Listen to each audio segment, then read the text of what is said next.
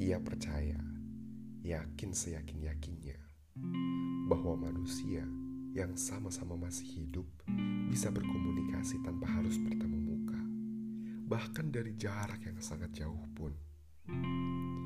Dia percaya pada teori yang menjelaskan bahwa inti kehidupan itu komunikasi, dan komunikasi itu inti kehidupan. Sapardi Djoko Damono hujan bulan Juni